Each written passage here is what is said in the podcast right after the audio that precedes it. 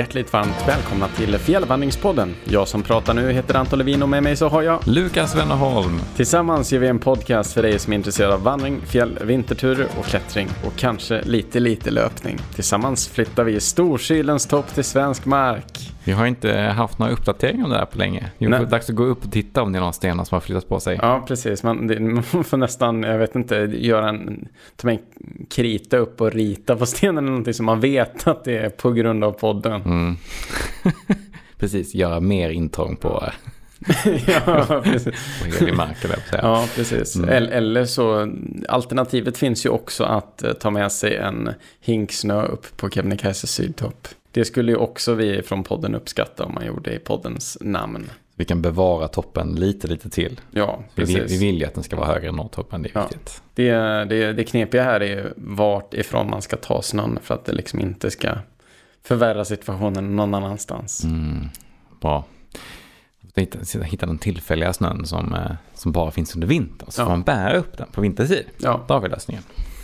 Ja, ja. Eh, men nu sitter vi här igen. Lukas, vad har du gjort sedan vi sågs eh, senast? Ja, men det vanliga. Jag har som alltid varit ute och klättrat en väldig massa. Det brukar vara ungefär vad jag gör med mina helger. Mm. Men det har blivit eh, en ganska stor mängd utomhusklättring även fortsatt hemma i Sverige sen mm. jag kom tillbaka från Alperna. Och eh, det är som alltid väldigt kul. Jag har, eh, ja alltså dels har jag ju klättrat men också, jag har sprungit en, eh, en, ett ultramaraton som hette Sörmlands 100. Jag sprang då 55 kilometers versionen av det. Ja men det var väldigt trevligt. Det var efter Sörmlandsleden. Startade i ett ställe som heter Tystberga mellan då Nyköping och eh, Södertälje. Och så sprang man därifrån ner till Nyköping och sen vidare till Oxelösund. Jogersö eh, havsbad tror jag stället hette. Ja, det var som en, en camping. Eh, väldigt eh, trevligt liksom. Man fick komma ut och se lite nya sträckningar på Sörmlandsleden.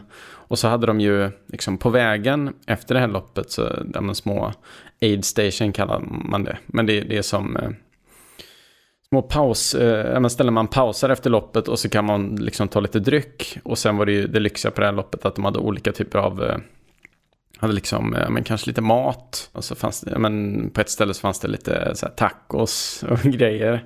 Wow. Och eh, vanliga chips. Och sen så hade de eh, Nils Oskar, då bryggeriet i Nyköping. De hade liksom ett samarbete med det här loppet. Så de hade tagit fram en sån här mineral eh, brew beer.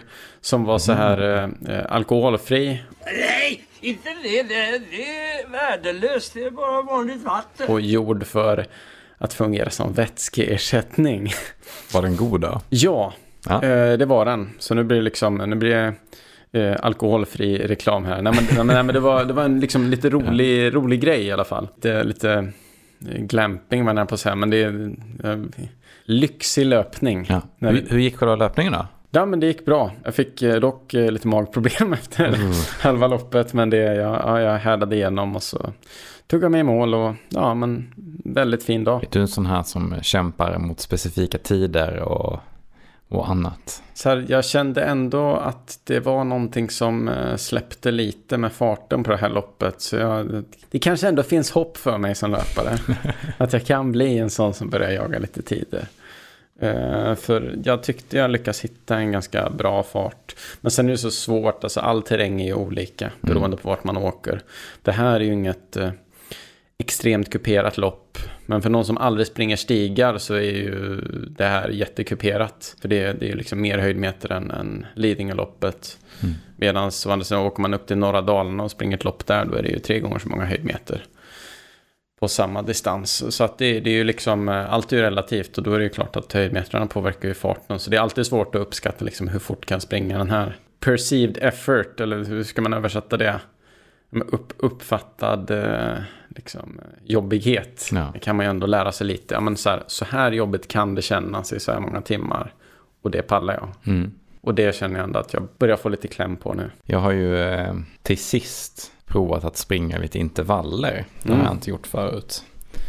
Tycker att det är, det är lite roligt att uppleva ändå hur mycket fart man har i kroppen. Mm. Jag är också ett fan av att springa långt och långsamt. Eh, så att, att faktiskt prova att springa lite snabbare Ja, jag tycker det, var ganska, det är ganska roligt liksom. Att känna ändå bara, ja men okej jag klarar, precis som du säger, jag klarar den här, den här typen av belastning i den här, så här länge liksom utan att det är ett problem. Trots att man mår skit för att det är hög belastning. Ja.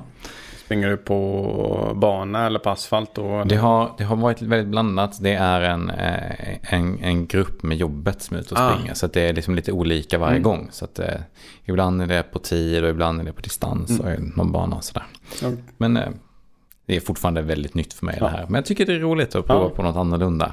Ja, absolut. Jag har ju också börjat med en löpargrupp nu på senare tid. Ja. Så att det, det ja. Så det, och lite, lite löpning. Får jag lägga till i, i poddintrot. Ja, jag tycker ändå att löpning kanske nästan har mer med vandring än vad klättring har att göra. Ja, precis. Ja, åtminstone. Så det, är, det är väl en, ett bra sätt att förbereda sig. Det är liksom eh, traska, springa. Ja, det har vi gjort sen sist. Och jag har ju också funderat lite på, på lite grejer va. Ja. Eh, jag har gjort en sån här lista, det var ett tag sedan. Den här listan handlade om saker man inte behöver på sin vandringstur som någon gång åkt med ändå. Den är väl i, i ordningen rimligt och allmängiltigt. Som liksom många, många gjort och har med sig och så går den liksom i, i ja, utför helt enkelt med mer och mer orimligt och färre och färre har prövat. Och på plats nummer fem då så finner vi alkohol. Det här tänker jag att de flesta, eller väldigt många har gjort. Haft med sig alkohol på tur. Det är ju en otrolig lyx ibland att kunna dricka ett glas vin när man är ute och vandrar. Eller om man har med sig det klassiska, liksom en liten whisky eller sådär. Det är nästan så att det är, det måste få vara okej att ta med sig om man vill. Ja, ja absolut. absolut. Om inte annat, eh, så för att tvätta sår idag Ja. så... Svårt med vin kanske. Precis. Ja, idag är ju alla handsprit så att det, där finner man ju alkoholen också. Mm. Och det är utifrån vårt förra avsnitt så det borde vi frågat Sebastian i och för sig. Eh, Kan eh, handsprit vara ultralätt? Jag tänker att ett sjukvårdskit och deras, dess tillhörigheter, det är väl ett nödvändigt ont kanske. Jo, så är det. Jag vet att det var, det var ett företag som, eh, ett så här, tyskt företag som tittar på att göra någon pulverbas för öl. Men alltså, Ja. jag antar att du kan göra alkoholfri öl då, så instant alkoholfri öl. Men däremot så eh, alkoholen får du nog tillsätta själv. Jag tycker det låter eh, tveksamt. Ölbrustabletter. Ja. Ja. Mums. Mm. Ja, på plats nummer fyra, att man tar med sig ett par underkläder för varje dag som man är ute. Och det här känns ju som en typisk sån här nybörjargrej. Mm. Ja, men, eh, man kanske inte vandrat så mycket, eller överhuvudtaget. Och eh, man tänker att, att vandra ska ha samma sanitära liksom, nivå som min, mitt eh, vanliga civila liv. Ja, det här har vi absolut gjort. Det blir att halva packningen består av liksom en påse proppfull med kalsonger. Det, det funkar ju om det är eh, om man ska ut tre dagar. Ja. Jag antar att människor upptäcker att det här blir ett problem. Första 14 dagars vandring då. Då vill jag verkligen slå ett slag här för att det går ju verkligen att tvätta sina kläder när man är ute. Jag trodde du skulle säga nu, jag vill slå ett slag för att vända ut och in på. Nej, vi ska inte sjunka dit Anton. Man, vä man vädrar utsidan av sina kalsonger. Och sen nästa dag så vädrar man insidan. Don't go there. Nej, men eh, att ta med sig lite tvål eh, så, man kan, man kan tvätta sina kläder. Mm. Ja. Det är verkligen ett bra sätt att spara inpackning Ja. på. På plats tre, ett extra Trangia-kök. Och här vet vi då att eh, Lukas har något att erkänna. Så här är det va. Jag gick en, eh, en kurs i hur det är att vara ute på vintern. Och då skrev de i packlistan att det är bra att ha med sig eh, ett kök och vara säker på att det håller. Och då packade jag med mig ett extra Tangra-kök. För det är inte så att jag äger ett Tangra-kök utan inför den här turen så köpte jag då till ett till Tangra-kök. Eh, och det gjorde ju att packningen blev relativt tung då. Men alltså, du, du, tog du med två för att du tänkte att de sa att man skulle vara säker på att det höll? Jag, jag är lite osäker på varför det stod att man skulle ha två, men jag tror det framförallt var som en säkerhet. Ja, Och hade man varit lite smart här då så hade man ju tagit med sig två brännare, för det är ju tveksamt, alltså antagligen så går ju inte kastrullerna sönder. Men jag tyckte då att det Ja. vore ju rimligt att ta med sig två hela kök. men det är så extremt mycket hängslen och livrem så det är så här, alltså jag skulle ju ta med mig två liggunderlag innan. Jag hade tagit med mig två tält innan jag tog med mig två kök. Ja, Jag kan förstå varför man har med sig en extra brännare. För det händer ju att brännare går sönder. Jag har ju en kompis som varit med om det här, att hans Ja, brännare okej. havererade. Mm. Och det är inte så kul med kall mat. Och framförallt Nej. på vintern är det ett problem när man inte kan få tag i vatten. Ja, precis. Det är väl det absolut största. Då får man liksom eh, smälta vatten mot kroppshyddan. Och det, Nej, det är ingen hit. Ja. Nej, så att eh, man behöver kanske inte ha med sig två hela kök. Och på plats nummer två, så att ha med sig en yxa plus lite ved upp på kalfjället. Det här, det här är ju också någonting som jag måste känna mig skyldig till bland en av mina absolut första vandringar. Mm. Det här vet ni nog redan, för jag tror jag har pratat om det här i tidigare Ja, avsnitt. ja, att, jag, precis. eh, att jag har burit med mig en yxa upp på kalfjället. Jag kommer faktiskt inte ihåg vart det var ni var. Det är vid Kebnekaise-området. ju. Ja. Mm. Men eh, det är då efter att ha varit ute och vandrat mycket lågland så Mm. tyckte jag det var trevligt att kunna ha med sig en yxa så Mm. att man kunde göra ett, eh, en liten eld på kvällen eller något sånt där. Ja. Men sen upptäckte jag att det finns ju inga träd eller framförallt ingen ved som bara ligger på marken Nej, när man det- är på man- kalfjället. ja, har, har man tur så kan man ju liksom björksnåren hitta någon liten gren så. Men ja, det är ju Mm. liksom fjällbjörkarna, det är ju grenar. Men är det värt 500 gram? Nej, Tror inte det. nej. En kniv i så fall. Ja. Och sist och eh, totalt galnast är roddmaskinen på Mont Blanc. Det var då en, en brittisk kille som för ett eh, gäng år sedan drog med sig en eh, roddmaskin upp på Mont Blanc. Det var något typ av ädelsyfte vill jag minnas. Alltså det var någon typ av eh, spex för att ja, men, hylla veteraner eller något sånt där. Problemet här, det, det var att ja, men han släpade ju med sig den här roddmaskinen och sen så blev det dåligt väder. Och han tvingades då, eller tvingades, han valde då att lämna roddmaskinen på Mont Blanc och ta sig ner igen. Det resulterade ju i en ganska stor kritikstorm. Mm.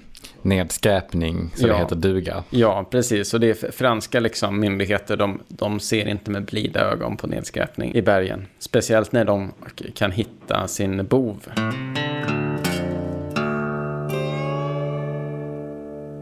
Ja, men jag vet inte riktigt hur det gick för den här killen om han slapp böter. Men eh, roddmaskinen är i alla fall borta nu. Och eh, vi kan ju inte rekommendera någon annan att följa hans exempel. Den stora frågan är då om den är borta för att den har täckts av snö eller om den är borta för att någon har burit ner den. Ja, den, den har tagit, sig, tagit vägen ner för Mont Blanc som Ja, tur är. ja, det är ju bra.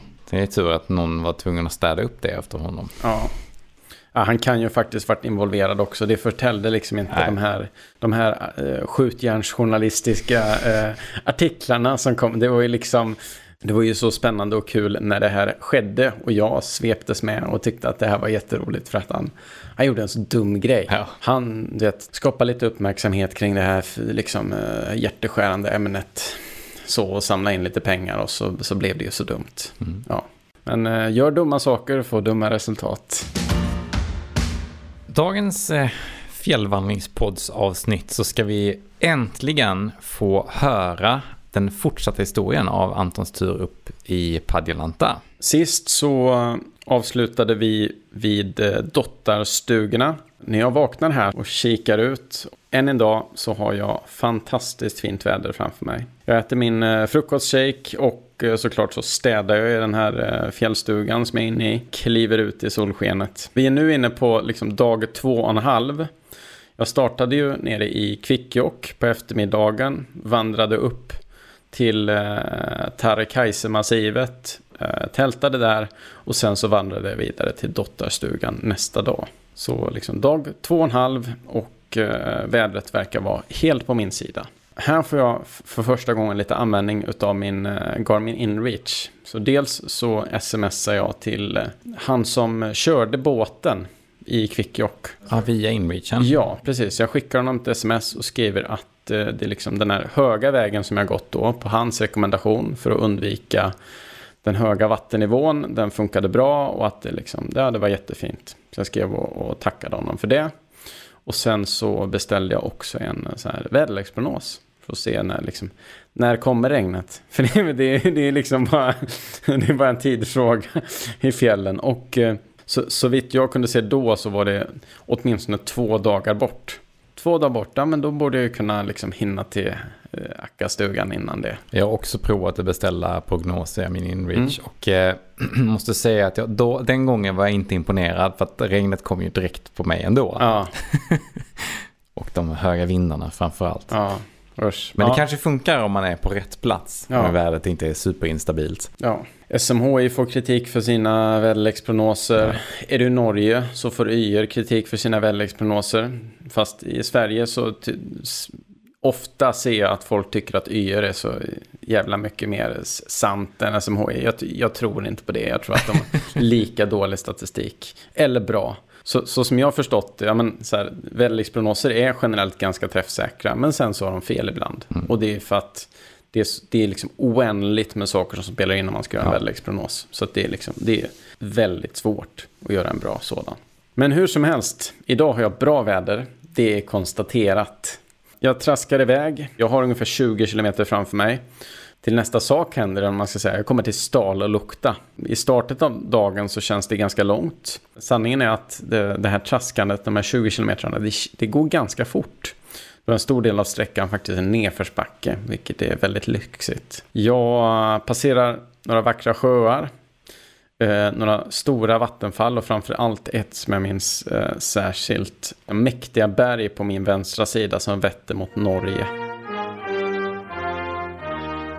Och jag möter eh, två vandrare efter eh, ett par timmar som eh, berättar att då sommarbron som ska läggas ut, den är inte utlagd än. Och jag kommer vara tvungen att vada. Och när jag kommer fram här liksom till, till där bron normalt sett brukar vara så man kan ju se den liksom ligga på andra sidan där. Man blir lite provocerad. Det är himla dumt att den, att den ligger där året om liksom. Ja, precis. Eh, nej, så att den, kommer, den kommer ju placeras ut. Eh, men de tar liksom bort den varje vinter för att den inte ska braka ihop av snöns belastning. Så. Eh, så att jag rör mig lite uppströms igen och letar efter ett eh, rimligt vadställe. Börjar vada den här, eh, den här jocken då. Ja, den är inte särskilt svårvadad. Det här är ju som sagt, jag var tidigt på säsongen, vattnet är ganska högt. Men ändå så det var ganska lättvadat. Så att jag börjar nästan fundera på hur kom det sig att de satte en bro här. Ingen aning. Men det är väl för att det, det är så många som passerar troligtvis. Det är mest troligt kanske så att det händer att det är ganska höga vattenflöden och då kanske Ja. det är svårt att ta sig över. Jag tar mig över här och så hivar jag mig upp för branten på andra sidan. Liksom och, och börjar eh, navigera ut genom eh, det här eh, videsnårsbuskarna som liksom omger den här jocken. Och kanske svär några gånger på, på köpet. Och så, ja, precis när jag börjar närma mig eh, den här utlagda bron så hör jag ett helikopterljud. Och så liksom eh, tittar jag dit och så ser jag hur helikoptern är på väg rakt emot mig. Och går ner för landning. Och då är de ju alltså liksom fem minuter efter att jag har vadat. Så är de där för att lägga ut sommarbron. Det är bra timing. Ja, ja. Eh, och ja, men det tar dem ungefär fem minuter att lägga ut den. Så det, alltså det, jag hade ju kunnat vänta om jag hade vetat om det här. Mm. Men det, det hördes ju inte någon helikopter när jag Och här, över. här lär vi oss läxan då över hur viktigt det är att man ska ta ordentligt med sovmorgon. Ja, Och inte gå upp för tidigt. nej precis. Så man vet att alla helikoptrar redan har varit ute och genomfört sina uppdrag. Exakt. Nej, men så att eh, med bron nu utplacerad bakom mig så, så traskar jag på. Eh, jag vandrar på och eh, vips så börjar liksom eh, Stal och Lukta torna upp sig. Stal och Lukta framträder lite som en S-kurva som sammanbinder eh, den södra med den norra sidan. Och då har man liksom på den, på den södra sidan så har man som en udde eh, som eh, liksom går ut i, i ett stort vattendrag och sen så har man en bro som går över till byn där Stallokta ligger. Och Stallokta är ju en, en sameby som består av kanske hundra stugor eller liksom hundra småhus. Alltså när man kommer in här så utsikten är så fantastiskt fin. Det är så otroligt mycket vatten, väldigt höga fjäll. Det är liksom en vy som jag inte trodde vi hade i Sverige. För ofta är ju liksom vatten och stora vattendrag och höga fjäll. Ja, alltså vi har väl det på Stora Sjöfallet och några ställen, men så här remote dessutom, mitt ute i ingenstans, med så stora sjöar som det ändå är där, det händer inte så ofta. Så det, det här kan nog vara kanske den vackraste platsen jag sett i Sverige. Häftigt. Så när man kommer till den här S-kurvan så har man ja, men kanske två kilometer kvar ner till eh, Stala-Lukta. Och eh, jag kommer ju söderifrån, då får man den här fina utsikten på vägen dit. Kommer man norrifrån så får man titta bakom axeln för annars missar du det här. Och det vill du inte göra. Eh, så jag vandrar ner för den här liksom udden och så över bron. Går upp till BLT-stugan som finns där. Det här är ju BLTs motsvarighet till en fjällstation. Dock är den fortfarande stängd. Så de har ingen verksamhet där. Så jag fick liksom inte uppleva så mycket av det mer än att se byggnaderna. Som är liksom lite större än de här andra stugbyarna vi eh, Dottar och Darreloppal och sådär. Har du någon uppfattning om hur, hur många som kan bo? Jag kan tänka mig att det är säkert eh, en 30 bäddar eller någonting. Men eh, det, det, får man väl eh, kontrollera på, på BLTs hemsida. Men ja, den är lite större än de andra. Ja, men de har lite mer butik och sen så har de ju dessutom, det finns ju helikopteranslutning till Stala Lukta. Eh, så det är ju lite lättare att liksom ta sig dit med andra medel än till fots. Men i och med att det är stängt där så fortsätter jag och vandrar vidare på, på leden en sväng och så ser jag en skylt där det står kiosk. Och så tänker jag, spännande. så jag går upp, upp, upp till den och så det heter den Parfas kiosk. Och så tjötar lite med, med gubben som driver den. Eh, köper en eh, chokladkaka, alltså en, en Marabou då. Han, och han, han har liksom en, en, man har en, som en helt vanlig sån här gatukiosk liksom, där man fäller upp eh, upp, öppnar upp liksom. En, en sån här man tänker finns på liksom fotbolls... Eh, liksom. Ja, men en sån man liksom fäller upp som ett fönster och så finns det massa grejer där innanför. Och han har liksom superutbud. Fantastiskt. Ja, ja men här mitt ute ingenstans. Det är ju så himla härligt det här tycker jag. Man kan, man kanske har lite skralt med snacks med sig ja. för att man har sparat in på vikten. Eller mm. man kanske underskattade hur gott det var att äta choklad och åt upp allting första dagen. så är det ju så jäkla härligt när man kommer förbi en sån här öppen, öppen kiosk. Och kan liksom fylla på och också kanske okynnesäta ja. lite för att man vet att man kan köpa två chokladkakor ja. så då kan man äta upp den ena med en gång. Ja. Ja, men också, också, också, så tycker jag att ja, bara, bara, att möjligheten finns så vill ja. ju sponsra en. Ja, men man vill ju bidra till att det ska fungera. Liksom. Ja, men jag, jag köper en chokladkaka eh, och så går jag ner till Virrihavre som den här sjön heter då. Och eh, slår mig ner och dricker en eh, lunchshake och eh, käkar lite choklad i lugnet här nere vid sjön. Och där har man det ju fantastiskt. Här nere vid sjön så finns det ju både båtanslutning till Stalelukta och den här båten går då mellan Stalelukta och en eh, annan ort lite längre norrut som heter Arraslukta. Eh, och helikopterplatta då med anslutning till ja men eh, eh Ritsem till exempel eller vart man nu vill resa ifrån med företaget Fiskflyg som är liksom välkänt uppe i norr. Där har de, liksom, de har fasta turer. Så det är ändå ganska mycket folk som tar sig hit.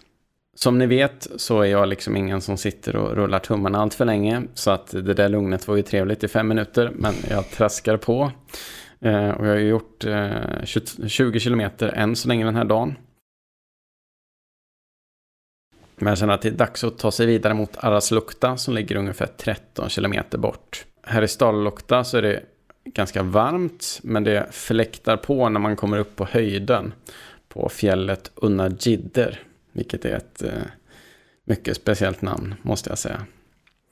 Eh, men här uppe så får man ett eh, fantastiskt panorama liksom mot den här sjön Virrihavre som man har i väster. Och man följer liksom ja, men den här sjön, så man har det här fantastiska panoramat i sin vänstra sida i ungefär fem kilometer. Och på andra sidan av den här sjön så ser man liksom in i, in i Norge och eh, väldigt, eh, deras liksom lite spetsiga, vita, fina fjäll. Trots att det är liksom närmare 30 grader den här dagen och så ser man ändå snön där långt borta i horisonten. Det känns nästan, nästan lite overkligt att det kan vara så kallt och varmt på samma gång.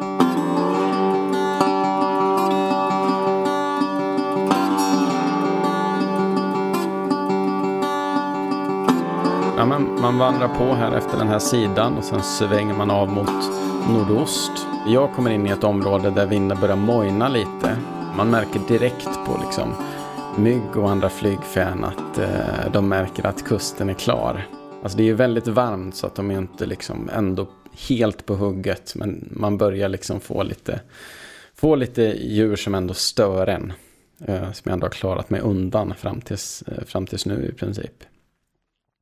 Men man, eh, man eh, passerar några ganska djupa eh, och storslagna raviner. Man får liksom gå, gå ner och sen upp ur dem och så rinner det liksom en, något vatten genom varje av de här. Och sen så när man har passerat de här, jag tror det är tre raviner, så, så kan man se det här Arras lukta då framför sig. Och på den här sidan av fjället så är det ju liksom i princip helt vindstilla och väldigt, väldigt varmt.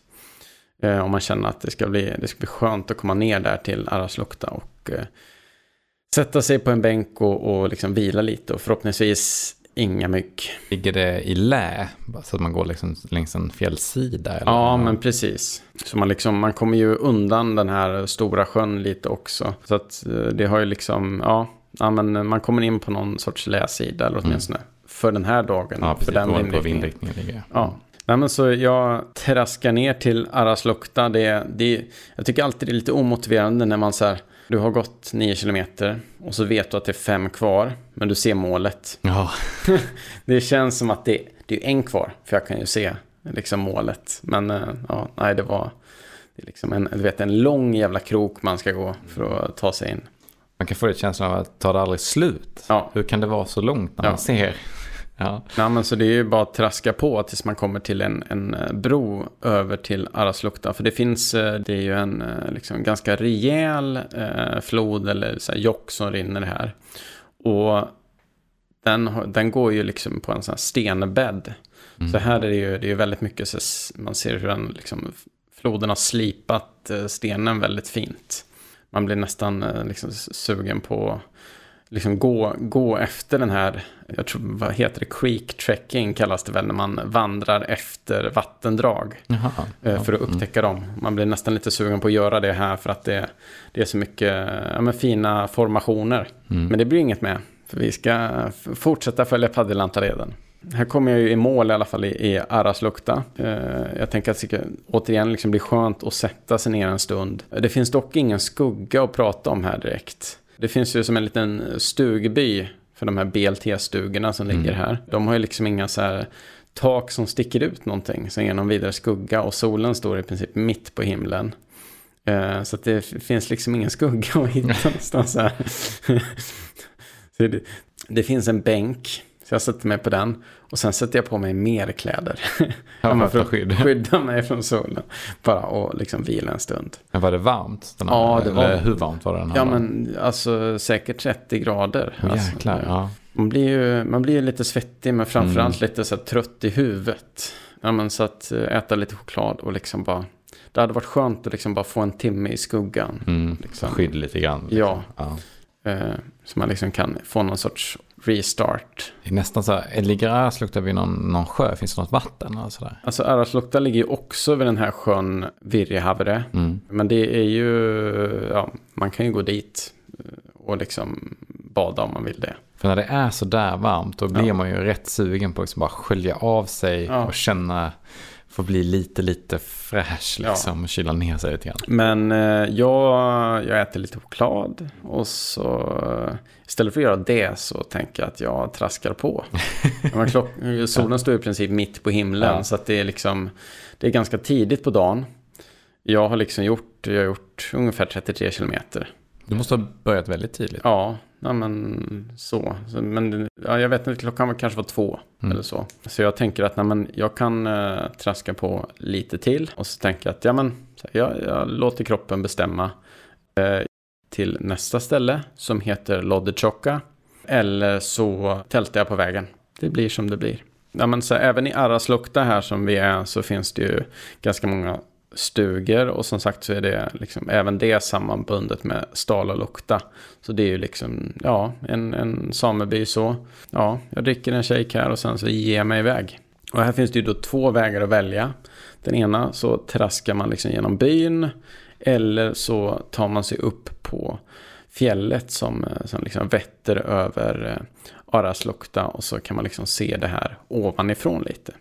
Och jag väljer då den eh, höga vägen för att det känns ju roligare att få utsikt. Så jag följer då fjället Aras eh, västra sida. Och så eh, ja, men får man den här fina utsikten över Araslukta och så tar man sig ner på den, på den norra sidan av fjället. Och här på den, på den norra sidan så möter jag två hundar som är ute på lite eget äventyr. och det är ju liksom, det är ju ganska stora hundar så man har ändå lite respekt när man möter dem mm. så här eh, eh fria och de är verkligen ute och busar och springer efter eh, Eh, de, de får syn på någon fågel och så bara dit drar vi och så springer de iväg. Ja. De verkar verkligen vara ute på eh, ha, ha, flytt från sin eh, husse ja, eller något. Ja, precis. Ja. Och det, det, är ju sannolikt eh, ja, men, eh, sådana ren eh, ja, men liksom drivningshundar eller något mm. sånt eh, som är där. Men eh, de hade väl säkert eh, gett sig ut på lite egna, en egen tur. Men i alla fall, jag tar mig ner mot den mäktiga forsen Mieleno. Ja, så borde det vara. Mieleno. Väldigt svårt att säga i alla fall. Känns väldigt nasalt också. Mm. Otroligt eh, liksom, mäktig, mäktig fors som man eh, passerar eh, över genom en bro. Och här möter jag tre stycken vandrare. Alla liksom, av internationell härkomst. Eh, jag gissar på eh, tyskar. Och det här är liksom de första jag träffar på den här dagen. Och tidigare på den här vandringen har jag egentligen bara sprungit på en person än så länge. Som varit ute på den här leden. Och det är inte så konstigt, vi är lite innan säsongen. Eh, det är liksom egentligen imorgon som eh, de första stugorna ska öppna här. Alla är inte sugna på att precis missa bron. Nej, innan nej, nej, precis. Ja, jag hälsar lite på dem och sen så traskar jag vidare. Framför mig nu så har jag en ganska lång stigning över eh, fjället Porka. Och efter att ha gjort liksom 39 kilometer än så länge den här dagen så, så går det lite, lite segt. Men ändå, ja men så här, jag harvar på och så till slut så är man uppe på den här toppen och ser ut över dalen. Och det är här man börjar, här börjar man se att man börjar närma sig eh, liksom ett mål. Mm. Eller liksom slutet. Eh, för härifrån, uppe på den här eh, platten, så kan man faktiskt se till Akka. Och sen så ser man liksom på den norra sidan av det här fjället så finns det några väldigt stora ren, rengärden också. Som är väldigt fina. Och så dalen som man är på väg mot nere i Loddetjokka. Och det är en ganska lång nedförsbacke ner till, ner till Loddejokka som är då en, eh, det är en jock helt enkelt och en dal. Eh, och där så ligger då eh, även här BLT-stugor. Så att, och jag känner lite när man, så här, man har gjort 40 kilometer och sen så liksom vänder man och ska gå ner för typ 5 kilometer. Då börjar jag känna mig lite trött i benen. Mm. Så här, man, det är jobbigt att gå och bromsa varje steg. Liksom. Men hur, hur har kroppen hållit ihop? Hållit ihop? Har du några, så här, haft några känningar i knän eller fötter? Nej, bara nej, nej, utan det är liksom det är jämna plågor. Nu, för att, ja, men så här, men det är rimligt att bli trött när mm. man börjar komma upp i de här. Eh, men jag känner liksom det, det är inte, det är inte onaturligt ont någonstans. Utan det är mer så här, ja men fötterna är trötta för att jag har gått mm. bra mycket idag. Men så kändes de igår också. Så att... Man vet att om man stannar och sitter ner för länge ja. då, kommer, då, kommer, då kommer det stelna lite. Ja, så är man precis. osugen på att röra sig sen. Ja, men man känner ändå att ja, så här, nu är det ju bara några kilometer kvar så mm. nu kan jag lika gärna fortsätta. Ja, men så jag, jag tar mig ner till Loddjocka och så uh, träffar jag där stugvärden Lena. Tjötar lite med henne. Uh, och uh, går och slår upp ett tält en bit ifrån de här stugorna. Och sen går jag tillbaka för att äta middag och liksom vara lite social. Mm. Det är trevligt med lite umgänge. Så. Ja, det blev till slut 45 eh, kilometer den här dagen. Och det är väl ungefär vid åtta på kvällen som tältet är rest och jag kan äta middag. Så det här blir faktiskt en, det blir lite ovanligt sent. Mm. Men de här sista kilometrarna, jag, jag var inte så snabb då. Utan då... Hade du kunnat stanna innan stugorna? Fanns det några bra tältplatser? Ja, alltså jag hade kunnat stanna nästan vart som helst. Däremot så det är väldigt vindutsatt mm. nästan överallt. Så att det, det är få så ställen med naturligt eh, lä. Det är väl i så fall nere vid den här forsen som jag passerar liksom efter 35 kilometer ja, i princip. Ja. Eh, nere vid Araslukta, där kan man ju tälta. Men eh, då har man ju fors, liksom ljudet istället. Ja, det kan störa ganska mycket när ja. man ska sova. Jag ska säga, det är inte helt tyst vid Loddetjocka heller. Men, Nej. eh, för det, du har en ganska stor fors där med. Men den är inte så, det var inte så farligt ändå. Ja, det, det blir liksom lite som vitt brus Ja. när man gick och la sig. Men ja, jag käkar min middag och eh, somnar verkligen som en stock i tältet.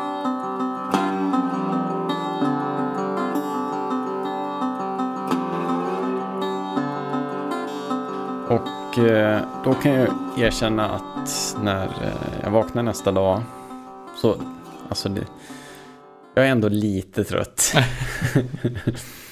och det, det otacksamma den här dagen, det är ju att eh, man ska direkt upp på eh, ett fjäll som heter Loadasi.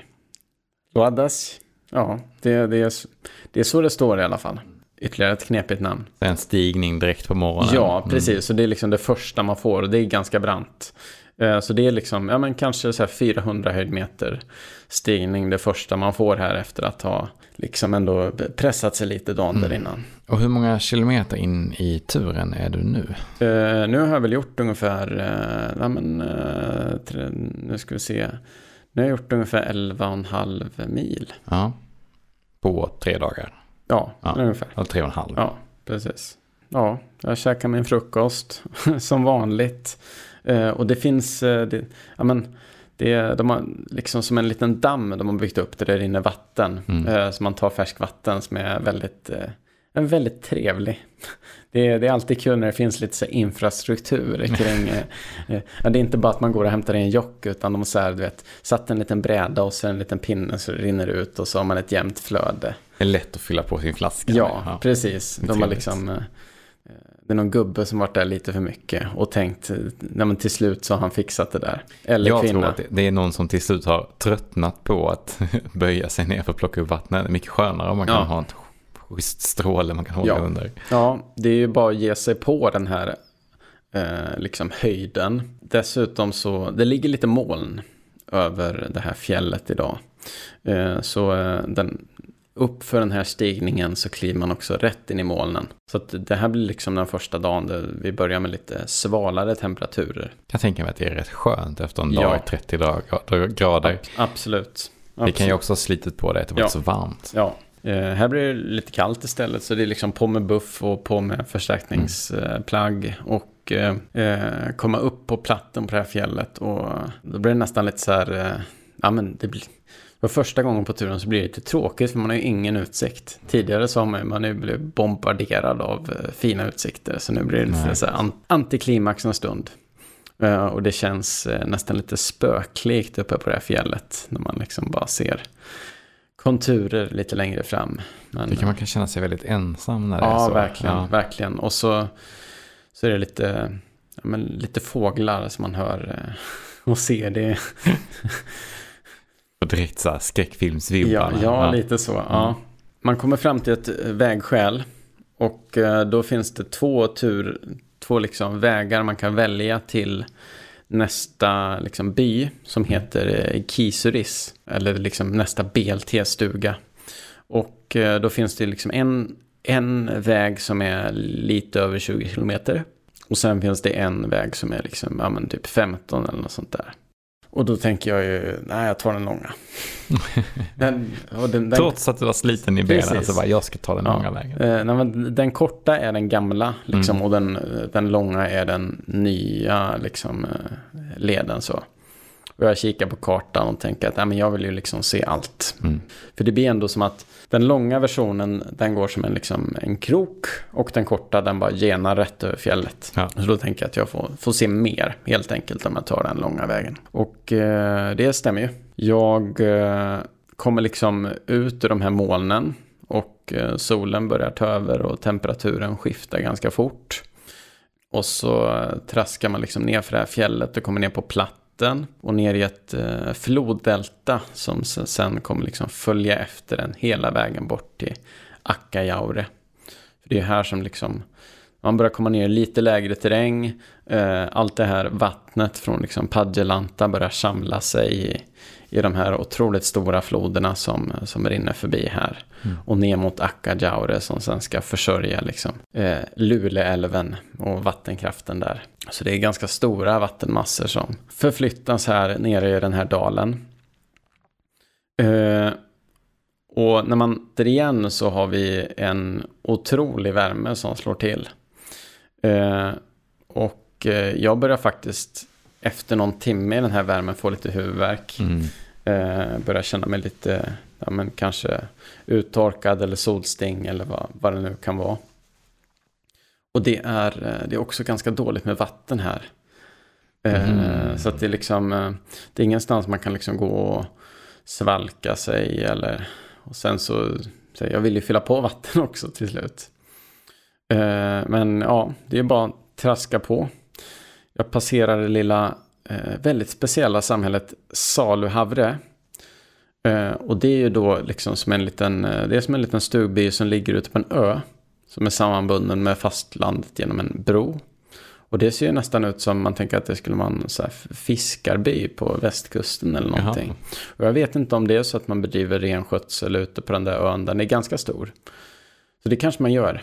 Eller så har man, eh, men är liksom fiske och annan någon jakt, jag vet inte.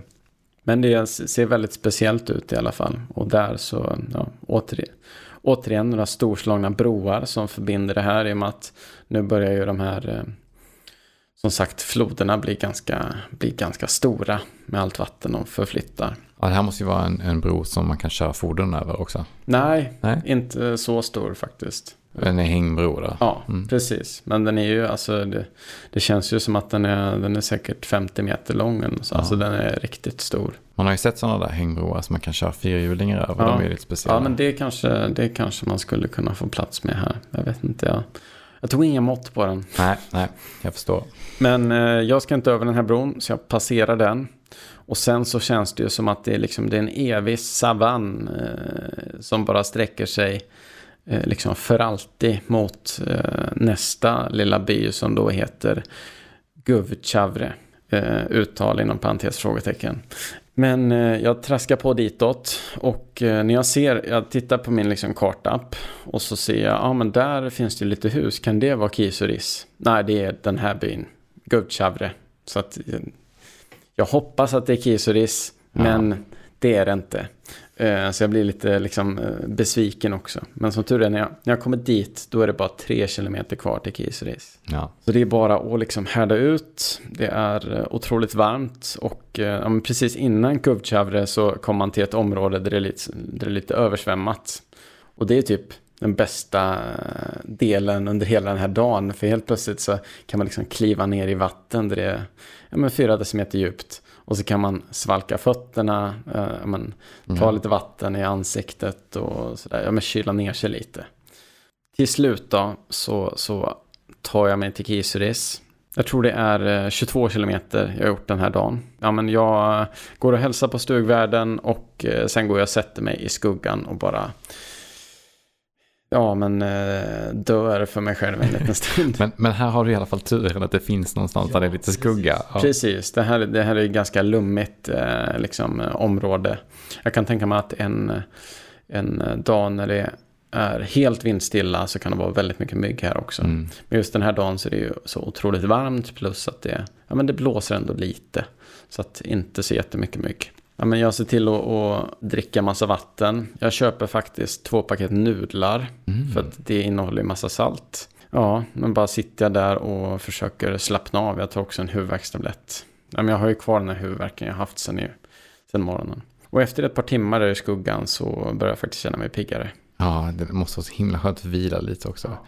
Det är ju lätt att underskatta hur mycket värmen sliter på en tycker jag. Man blir ju rätt, eh, framförallt om man glömmer bort att dricka lite eller det är lite brist på vatten så kan det bli ganska, kan bli ganska tufft. Jag eh, hade ju ändå tänkt att jag skulle liksom eh, göra klart den här turen idag. Så jag kan ta liksom båten över Rakajauri imorgon. Mm. Och eh, i och med att jag känner mig piggare efter en stund så bestämmer jag mig att ta mig iväg. Eh, det är här man kommer ner till det som kallas för treparksmötet.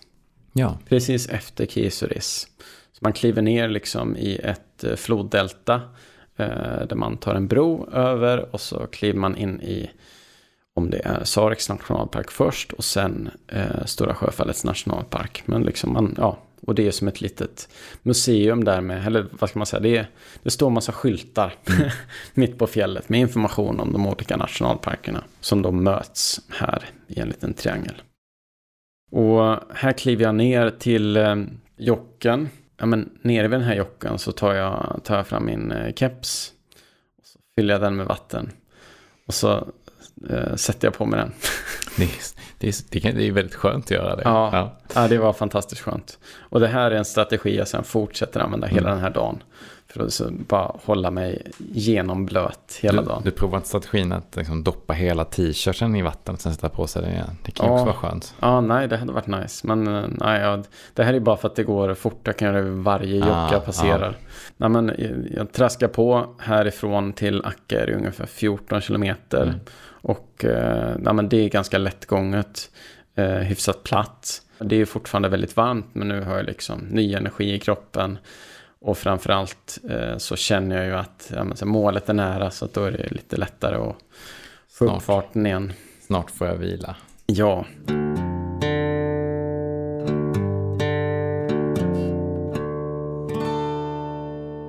Och med den här nya strategin och framförallt lite mer vatten ja. än vad det var tidigare under dagen så kan jag ju liksom hålla mig lite mer nerkyld. Och det hjälper väldigt, väldigt mycket. Man får ju här liksom komma lite närmare det fantastiskt vackra eh, Akka-massivet som tornar upp sig vid sin sida. Och det är ju ganska stort så det tar en stund att liksom, eh, passera hela det. När man kommer ner till, eh, så man börjar närma sig Akkastugan så, så ska man ju ta sig, ta sig över den här otroliga floden och forsen eh, Vujatedno så kanske den heter. Eh, och bron som då går över den. Och det är ju, när man går över den här bron och så tittar man neråt. Så, så ångrar man nästan att man går över bron. För det är sådana såna otroliga krafter under den. Alltså rikt, ett riktigt mäktigt vattenfall här som, som rinner ut i Akadjaure. Är det en högt belägen bro som är långt över vattnet? Ja, men hyfsat högt. Det är väl eh, bland de liksom mäktigare fall så vi säkert har i fjällvärlden som man kan gå över på en sån här hängbro.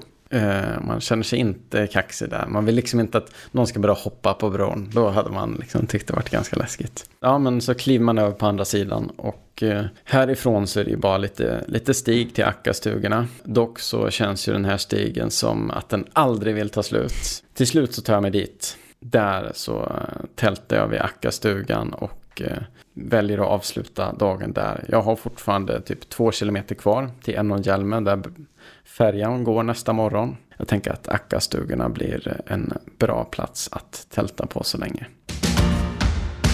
Det var min tur på Padjelantaleden. Jag är imponerad över hur, hur fort du tog dig igenom den. Det är ganska många mil att gå på, ja. på så kort tid.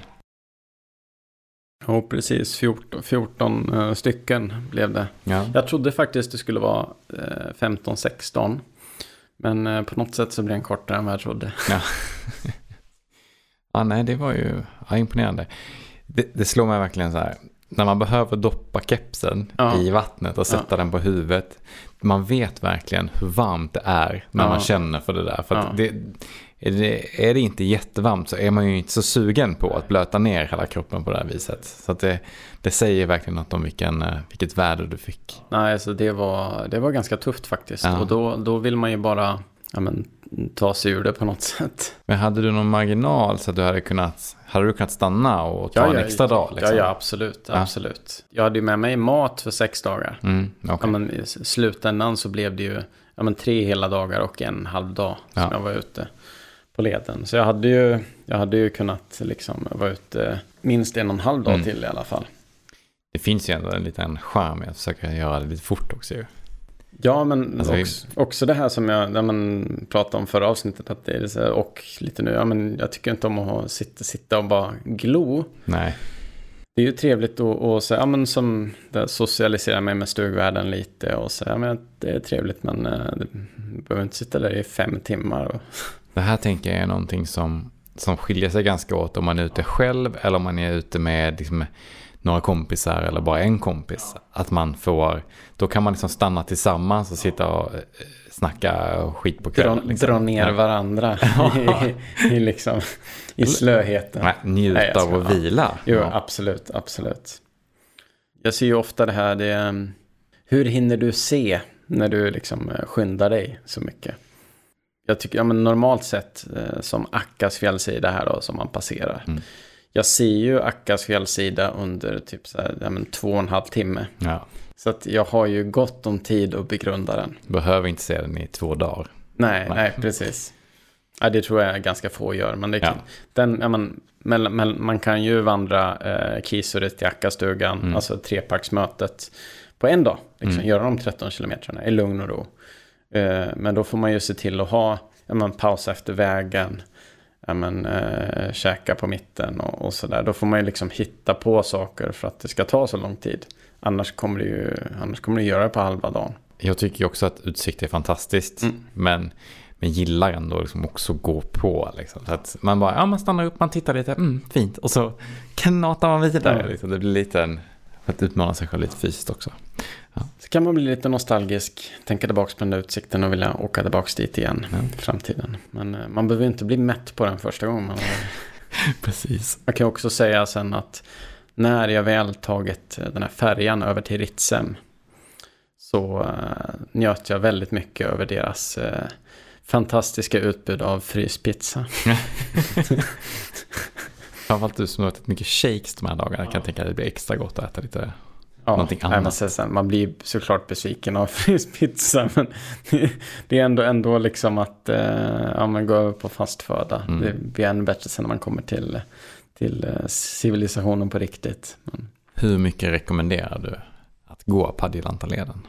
ja men väldigt mycket. Framförallt för att det är så här. Det är ju en led som verkligen skiljer sig så väldigt mycket från resten av de svenska fjällen. Mm. Ja, men är man till exempel i Kebnekaise-området, så här, det, det påminner ju väldigt mycket om hur det ser ut i Sarek. Det är bara att du har lite mer, ja men mindre infrastruktur. Ja, Du har inte lika mycket broar och sådär. Och, och liksom tydliga vandringsleder, utan du får hitta lite själv. Men det är ändå så här, ja, men högfjällsterrängen påminner ganska mycket om varandra. Men Padjelanta är, det är men, hyfsat unikt skulle jag vilja säga Mm. i Sverige för hur eh, annorlunda det är. Så jag skulle absolut rekommendera att gå dit, eh, men vandra, vandra Padjelanta-leden. Jag rekommenderar att vandra på an- alla andra ställen vi har pratat om också. jo, Men- såklart. men just för att det här, eh, det sticker verkligen ut och är väldigt eh, annorlunda mot vad man annars ser i svenska fjäll. Kul. Ja, Ser själv fram emot mycket att gå Padjelanta. Det har... ligger på önskelistan Ja, över leder att vandra. men då kunde du göra Nordkalottleden, det är liksom paddelanta från andra hållet så, så vi får mer avsnitt i Exakt, podden. ja, vi ska samla content. Det är ja, viktigt. precis, precis. Och med det här så börjar veckans avsnitt rulla mot sitt slut. Har ni specifika ämnen ni vill att vi tar upp i framtida avsnitt eller vill ställa frågor till oss, hör av dig till oss på Instagram, fjällvandringspodden. Glöm inte heller att prenumerera på oss i ditt flöde och följ oss väldigt gärna på Patreon. Vi som gör den här podden heter Anton Levin. Lukas Wennerholm. Om du uppskattar det vi gör, sprid gärna ordet så vi kan fortsätta prata om vandring från våra vardagsrum. Glöm inte heller nu att planera in din nästa tältnatt.